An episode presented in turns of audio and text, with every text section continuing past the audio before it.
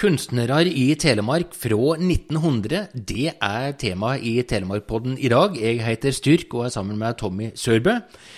Kunsthistoriker, folkeopplyser og forfatter. Og du har sannelig fuska litt i målerkunsten òg? Ja, jeg har det. Eh, og jeg var 25 da jeg reiste opp til Flatdal, opp til Nutheim, for å gå på det berømmelige malerkurset til, eh, til Erlend Grøstad. Eh, og det var veldig spennende, fordi da hadde jeg begynt å studere kunsthistorie. Og jeg hørte hans måte og hvordan vi skulle bygge opp bildet på. Og det tenkte jeg, dette har jeg hørt om før. Dette har jo å gjøre med kunsthistorien fra 1920-1930. En som het eh, Georg Jacobsen, som mente at det fantes én måte å bygge opp virkeligheten på, sånn visuelt, ved hjelp av noen trekanter og firkanter og sirkler og rene eh, regnestykker, geometri, eh, som han fant forbilde for i folkekunsten, bl.a. i Telemark. Så eh, jeg var litt skeptisk, da, så vi begynte å diskutere veldig. Grøstad og jeg og de andre ble stående litt sånn uh, uforstående til det hele. Uh, så jeg fulgte det ikke helt opp, men jeg syntes det var veldig moro. Jeg lærte masse av det. Men hvorfor var du skeptisk, da? Nei, fordi at det, det, det, er jo en tradisjon da, som går på det at f.eks. Telemarkstabburet, det har bestemte proporsjoner. For, måten rommene er fordelt på forholdet mellom tak og bredde og lengde osv. Eh, som kan uttrykkes gjennom en formel, nesten en matematisk formel.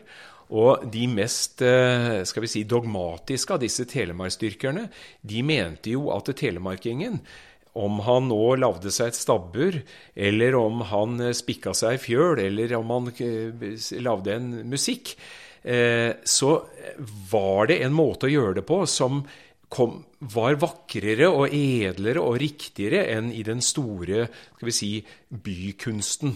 Og at den måten å eh, bygge opp kunsten på, det var noe som gikk igjen, faktisk, mente de det, i pyramidene. I de store gotiske katedralene ute i Europa, men at eh, den høykunsten hadde glemt denne ja, Det er nesten litt sånn Dan Brown, dette her.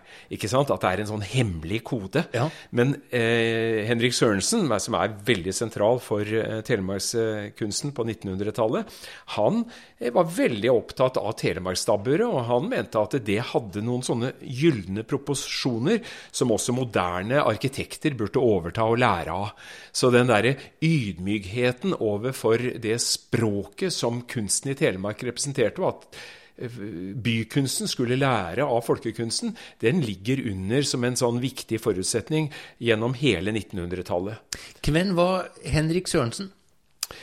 Han var en kunstner som eh, Bare det at du må spørre, men han var så stor at hvis han hadde eh, Da han levde, så var han kjent. Så jeg tror han ville vært veldig lei seg over at du måtte spørre. Men det er jo klart at eh, han er ikke så kjent lenger nå som det han var. Han var eh, en kunstner som var vi gjerne kaller for Matisse-elev. Han reiste ned til Frankrike for å lære av Matisse. Men så, eh, og da er vi på sånn 1910-1915 Eh, men eh, så gjorde han som veldig mange andre norske malere. Istedenfor å fortsette å være ute i Europa, i Paris, så dro han til Telemark. Fordi han ønsket å finne det primitive, som jo ikke betydde noe negativt for dem. Det egentlige, dypest menneskelige og sanne, det kunne man finne i folkedypet, f.eks. oppe i Ripilen eller oppe i, eh, langt oppe i Flåbygd, eller oppe i Rauland. Eh, der skulle man gå til røttene. Så det er jo den typen ideologi som ligger bak. Henrik Sørensen fordyper seg altså da i det ekte i eh, Telemark. Hva er det først og fremst han skaper ut ifra disse opplevelsene, da? Han var veldig opptatt av Myllargutten. Eh, han var opptatt av folkemusikk generelt. Og han mente vel kanskje at i Myllaren så så han sin egen skjebne, på godt og vondt. Myllagutten var et geni, men han hadde kanskje ikke den muligheten som la oss si Mozart til å utvikle seg eh, og få inspirasjon fra andre kunstnere, fordi han levde i et ganske lite begrensa bygdemiljø. Eh, og han har malt et av sine mest kjente bilder, et av de vakreste, syns jeg. Det handler nettopp om Myllagutten. Eh, og der skildrer han eh, Myllagutten som en ryggvendt skikkelse som står til venstre i bildet, med hendene for ansiktet. Ser temmelig desperat ut. Hadde vi ikke visst bedre, kunne det se ut som en mann som hadde tenkt å hive seg i fossen. Ja. For han står rett foran en buldrende, ikke noe Rjukan-foss, men en helt alminnelig liten, forholdsvis liten foss, som skal drive et kvern. For det er på høyre side er det et kvernhus. Og så ser du så vidt lite grann vannspeilet som fossen kommer fra, og en raggete, hakkete åsrygg i bakgrunnen, som er typisk for jeg vil si Midt-Telemark, eller kanskje Øvre Telemark. Det er ikke de der svære, flotte, forseggjorte, glinsende dessertene til eh, Tidemann og Gude som de maler i brudeferden, men det er mer sånne raggete, hakkete og, og litt mer tuslete på en måte når det gjelder topografi. Eh, og der står Myllagutten. Eh, og hvorfor står han der? Jo, fordi han skal få inspirasjon. Og hvordan fikk spellemennene inspirasjon? Jo, bl.a., hvis vi skal tro folkehistoriene, da, eh, ved å gå til fossen og der møte fossekallen. Og så blir jo denne fossen da, som renner midt i bildet, et bilde på kilden. Altså oppkommet der hvor I dag vi, bruker vi uttrykket 'kreativ'. Er du kreativ? Eh, og det er klart at det, det skapende, hvor kommer kallet fra? Hvor, hvor, får kunstnerne ideene sine fra? De får det fra andre kunstnere, de får det av å lære, men de får det også rett fra naturen. Og Det er jo forestilling. Det er derfor har, tror jeg Henrik Sørensen har identifisert seg med Myllagutten. Eh, han, han, får inspirasjonen derfra, men han får det ikke videre ut. Han står med hendene sånn foran ansiktet mm. og er litt sånn smådesperat. Og han var hard på flaska, og han eh, ja, levde et hardt og kanskje litt tungt og vanskelig liv. Var ikke noe flink med penger, og det, det fins tusen spennende, rare historier om eh, Myllagutten. Eh, men det er vel kanskje sånn det kunne ha gått med Henrik Sørensen sjøl, hvis han ikke hadde kommet ut i verden og søkt kunsten. Så det er en sånn ambivalens i bildet. Det er en si, han, han, han, er fascinert av kunstneren og kunstnerkallet, samtidig som det er noe innestengt i dette landskapet. Du ser det er bare så vidt øverst oppe i bildet, så er det en liten himmel, en gulbrun himmel. Ellers er alt for det meste nokså mørkt. Ja, en flik av himmel. En flik av himmelen i et maleri som man eh, kan se på Holmsbu rett og slett. Det, det, er jo et stort kunstgalleri, eller ikke veldig stort, men det ligger ute i skauen. Fantastisk flott eh, kunstgalleri fra 1960-70-tallet. Men nå, nå, er jo, eh, altså Henrik Sørensen er jo et veldig interessant fenomen. Men du, historien er jo full av motsetninger. og Hvis går man noen år tilbake til en annen telemarking, eh, nemlig eh, Theodor Kittelsen, så reiste jo han opp til Rjukan og til Vestfjorddalen, og der hvor I.C. Dahl tidligere hadde skildret eh, den frie, ville, utemmede natur, og stått på stupet og sikkert grått over skjønnheten, eh, så er jo Kittelsen eh, Maler jo han eh, det som Sam Eide fikk til, nemlig å temme Rjukanfossen. Og hadde noen spurt meg hvordan det bildet så ut før jeg så det, så ville, jeg sverge på at han hadde vært kritisk til eh, å legge fossen i rør. Men nei da. Eh, Kittelsen han er veldig positiv. Han kjente jo Sam Eide. Og Sam Eide opplevde jo diskusjoner rundt dette med å legge Rjukanfossen i rør. Det var det faktisk tidlig på 1900-tallet. Ja så var det lokale diskusjoner om at dette her var en viktig turist, eh, viktig for turismen. Og det å legge den i rør, det måtte man ikke gjøre. Og mange kunstnere uttalte seg negativt til å temme naturen på, så, på den måten. Men Kittelsen han lagde en tegning som viste eh, det positive ved å legge eh, Rjukanfossen i rør. Og da sa Sam Eide til Kittelsen at jeg bestiller seks store malerier hvor du fortsetter på det temaet. For han så selvfølgelig propagandaverdien ved dette her. Så eh, Kittelsen da, han eh, lagde et bilde her bl.a. hvor du ser eh, en stor Fossen tar hoved, eh, er hovedinntrykket i bildet. Og så er det mørke fjellsider på begge sider, og så lyser kraftstasjonen opp i bakgrunnen. Eh, en kraftstasjon som har en arkitektur som ligner veldig på den som kom seinere. Det ligner jo veldig på Vemork, men det, dette bildet er altså fra tidlig 1900-tall, og det er laget før Vemork. Eh, det er fra 1907. Svelgfoss. Og det kan sees i dag på Telemarksgalleriet. Det er jo Norsk Hydro som eier denne serien med bilder, men det kan ses i dag da på Telemarksgalleriet oppe på Notodden.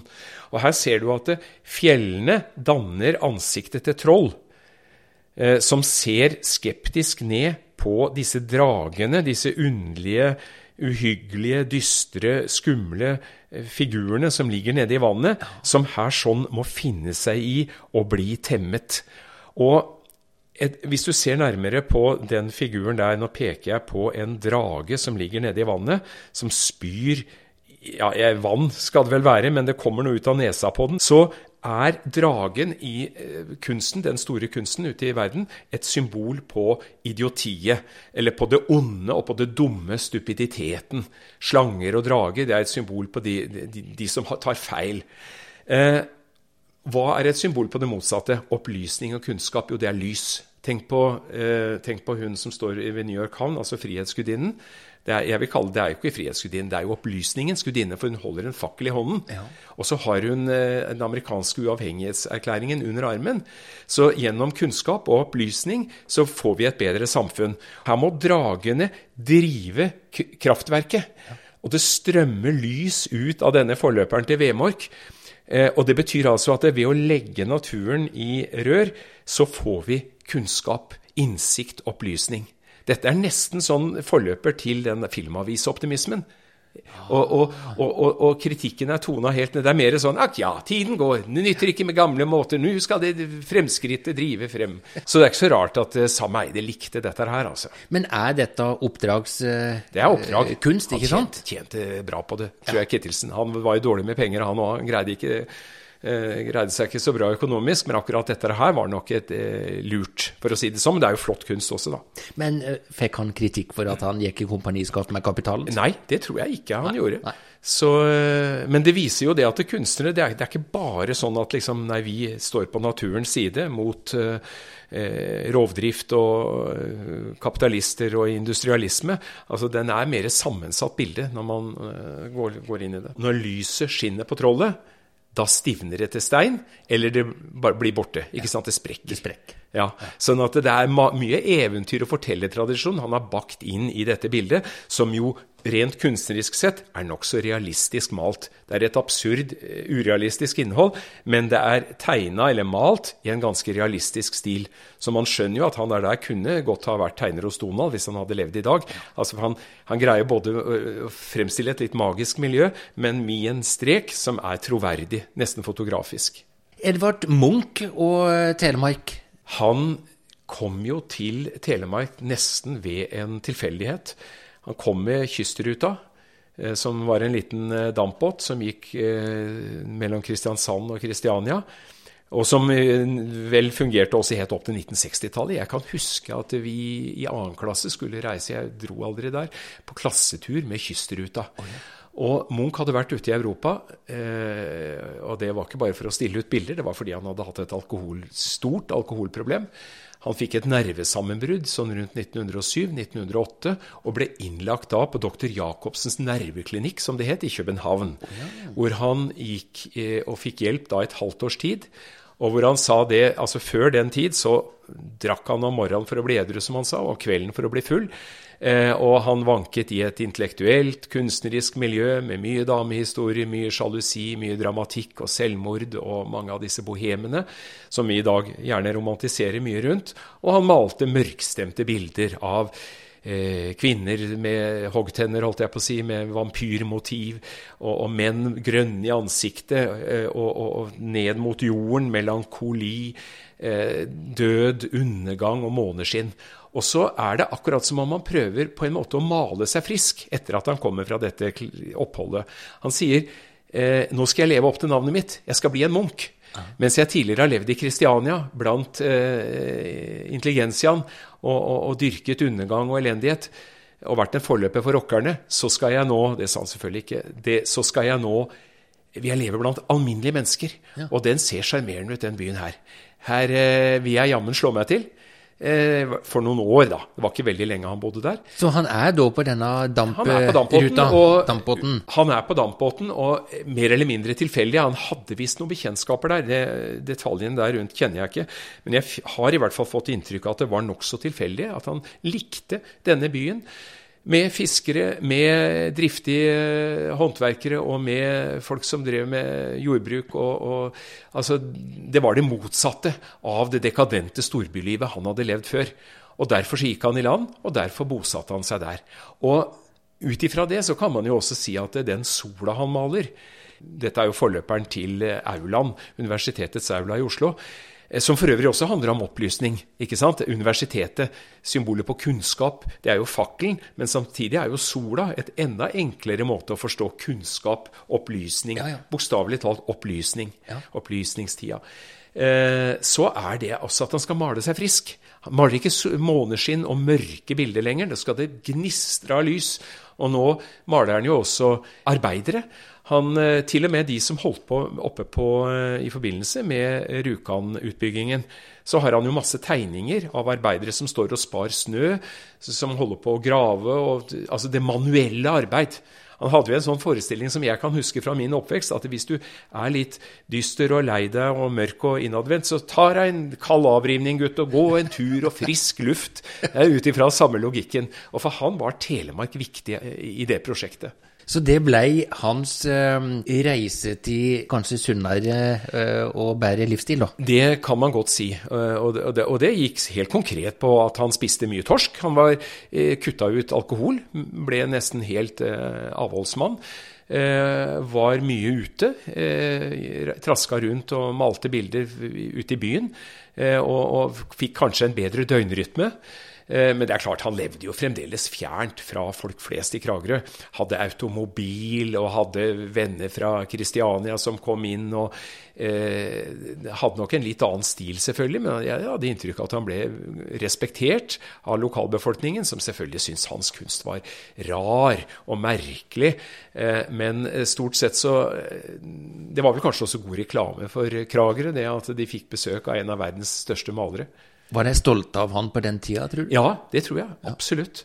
Eh, selv om jeg eh, traff en gang en gammel dame som hadde levd så lenge at hun kunne huske Munch, eh, og sa det at ja, du vet, de har grønt skjegg i bildene hans, og folk ser jo ikke sånn ut. Det er jo rart. Det er jo sånn, men det er jo sånn med kunstnerne. vet du, De er rare i huet sitt, og de, de, de ser verden på en annen måte enn oss. Som en, mer som en narr, da. Men sånne må det være plass til, de òg. Det er liksom litt det perspektivet der, av det inntrykket, av. En sånn skrekkfryd eh, overfor denne merkelige mannen som hadde kommet eh, og, og falt da for lille Kragerø. Andre kunstnere som gjorde seg gjeldende i Telemark på, på 1900-tallet, Tommy?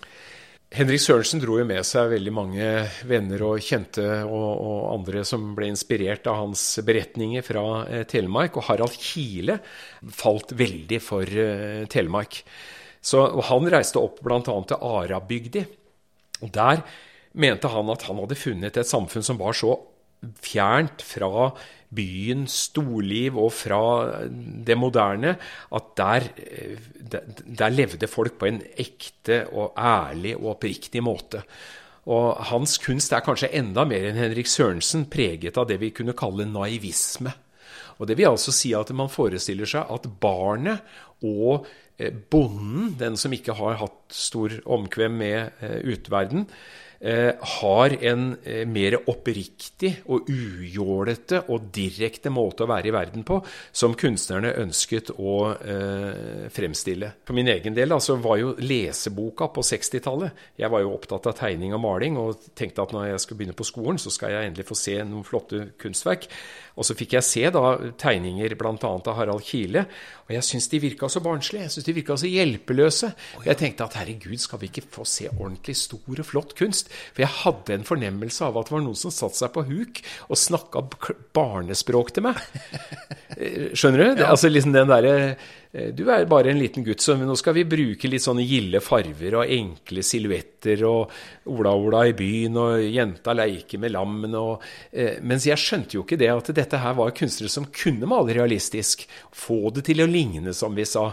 Eh, men som en, hadde en drøm om at barnets primitive, ekte, ærlige, ujålete måte å være i verden på, den eh, Når kunstnerne fremstilte det på den måten, f.eks. inspirert av folk oppe i arabygda, så ville barnet umiddelbart fatte dette her på en mer direkte måte enn den som hadde gått gjennom kverna og blitt kultivert og voksen. Så det var ikke fordi han var enkel, han, Nei, eh, det, han det var jo kunne ikke det. Det, var jo, det samme gjorde jo Nikolai Astrup, det samme gjorde eh, franske surrealister, for den saks skyld. Så eh, den måten å tenke på er jo en del av en stor internasjonal idéverden. Men når du er sju år, da, så skjønner du jo ikke det. Du, du, du ser det du ser, og tenker hm, det der, der kunne jeg også ha greid. Men Harald Kile må jo ha forelska seg noe heftig i hester og kvinner som uh, rir forbi og uh, ikke. Det er klart, uh, og der kommer dette med hesten inn. altså Telemark, Fjordingen, hesten tele, ble også forbundet veldig med Telemark. Forresten, når det dreier seg om kvinner, som jeg kan fortelle en sånn pikant historie. For Harald Kile ble jo etter hvert en gammel mann, og han eh, bodde på Majorstua. Eh, og så hendte det at han gikk over i en kiosk på Majorstua, hvor det var en bekjent av meg som sto i kiosken, og han kjøpte seg av og til da lek. Oh, ja. Et mykpornoblad Lek, som han eh, mumlende som gammel mann sier da til eh, hun som ekspederer, at det er han, han maler eller tegner noen akt, så han trenger disse, disse bildene, mykpornobildene av den grunn. Det var forklaringa. Det var forklaringa. Ja. Eh, det var det kanskje også. Herregud, han har jo malt masse fantastiske aktbilder. Eh, men eh, når vi snakker om hesten i eh, kunsten og Telemark, så kommer vi jo ikke utenom Anne Grimdalen, som jo selv er fra eh, Telemark, og som har laget det som det gjorde også veldig inntrykk på meg da jeg var ung. For vi, ja, bestefaren min han bodde på Trygdeheimen i Seljord. Og da stoppa vi gjerne for å se på Seljord kirke. Og der står et av hennes hovedverk, nemlig rytterstatuen over Landstad. Eller Magnus Brostrup Landstad, salmedikteren, fra 1951. Og der rir han på hesten, og så holder han boka i høyre hånd, han sitter oppå hesten, og så ser han opp i lufta, så får han en visjon. Han opplever liksom et kall fra Vår Herre for å få ideene til å skrive disse fantastiske salmene. Han var jo en stor salmedikter. Men hesten den steiler ikke, den går i sånn rolig passgang. Det er noe veldig solid og, og, og eh, hva skal vi si for noe? Det er- noe eh, trygt og traust over hesten. Eh, Men det er det ekstatiske øyeblikket av inspirasjon som Anne Grimdalen har skildret her. Eh, Hun var jo selv eh, hadde jo fått opplæring i treskjæring, og du ser kanskje noe av den måten å, som en treskjærer ville ha gjort det på i det relieffet. Anne Grimdalen har da sitt eget museum, men hvor kan vi ellers oppleve hennes største verk? Ja, det hun vel eh, kanskje er mest kjent for eh, utover det ganske land, det er jo eh, hennes fremstilling av Harald Hårråde på fasaden på Oslo rådhus. Eh, hun vant, det var en konkurranse som hun vant, da var hun 39 år.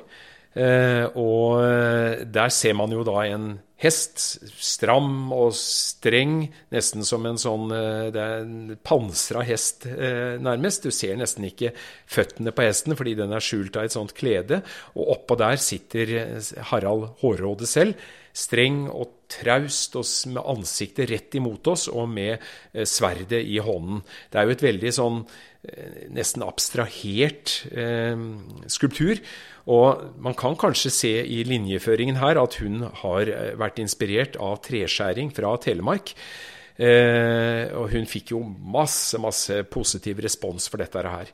Eh, hun lagde også en dyrefontene som står rett foran monumentet av eh, Eller det står jo oppe på veggen, mens dyrefontenen står nede på bakken, naturligvis. Eh, og som om ikke det var nok, så har hun også laget en, et relieff av eh, tømmerfløtere. Så eh, både Harald Hårråde der oppe, tømmerfløterne på veggen, og eh, denne dyrefontenen er Anne Grimdalens verk.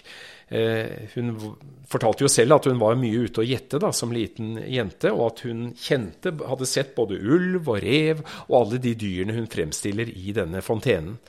Det kom jo da svenske kritikere til Oslo da rådhuset ble åpnet, og skrevet mye om det i tidsskrift og aviser i Sverige, som sa at dette her kom til å være, markere noe som kom til å bli større enn den italienske renessansen. Altså, ja, det var, her var Henrik Sørensen, her var Anne Grimdalen. Her var eh, mange av de store norske kunstnerne fra mellomkrigstida hadde boltret seg i rådhuset. Og eh, dette ville virkelig skape noe sånn fornyelse av kunsten. Man kalte Telemark for Nordens Arkadien. Arkadien er det jo det indre av Peloponnes. Og eh, hvis man skal forklare hva er den greske kunsten, hva er selve Europas Eh, begynnelse på den store kunsttradisjonen? Jo, det ligger i Arkadien. Så man sammenlignet rett og slett den største og flotteste og viktigste av den gresk-romerske kunsten med telemarkskunsten. Dyrevå, hvem var det? Det var jo en mann som levde på 1600-tallet.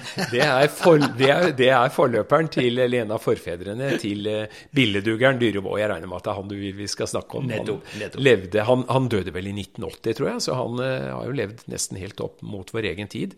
Men uh, Welhaven skrev jo et sånt veldig spennende dikt om denne litt fantastiske figuren opp fra Rauland, som reiste ut i 30-årskrigen.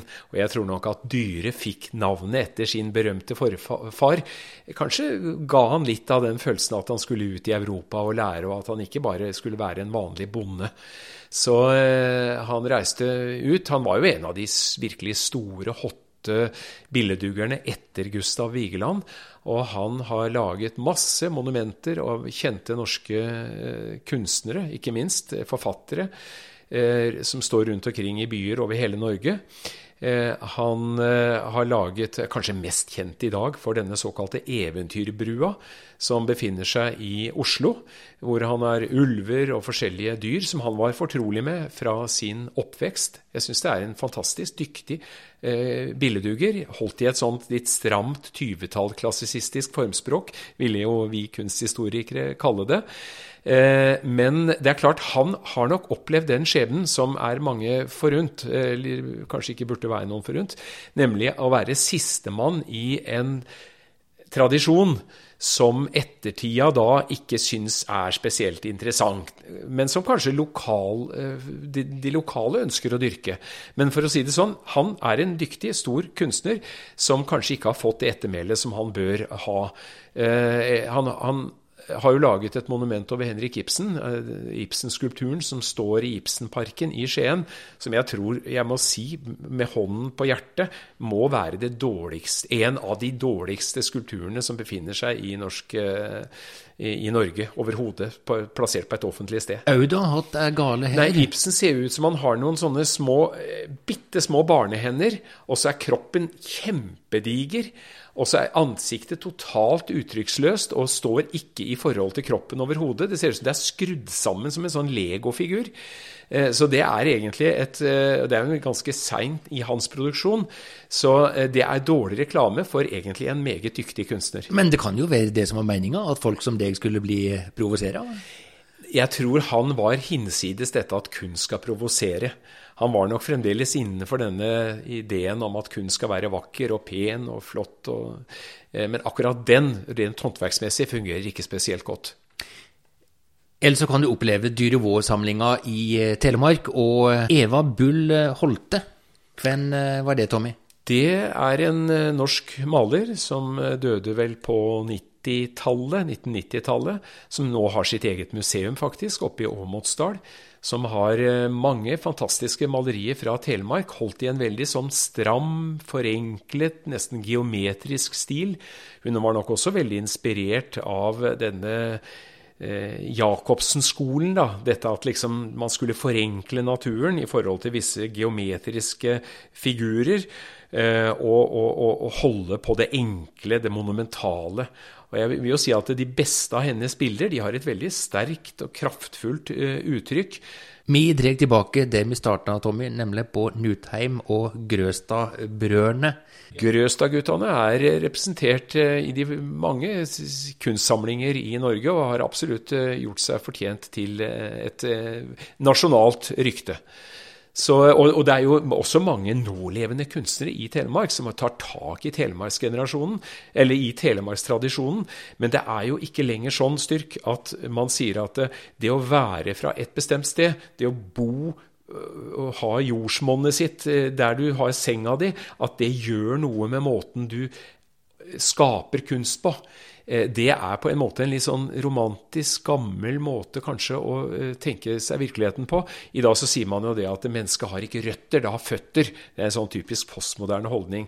Og jeg er vel ikke helt postmodernist, så jeg tror jo det at vi snakker og tenker og oppfører og er også et produkt av det stedet vi er på. Tommy Sørbø, takk for uh, historien om kunstnerne. Takk for at jeg fikk være med, Styrk. Styrk Fjærtoft, Telemark.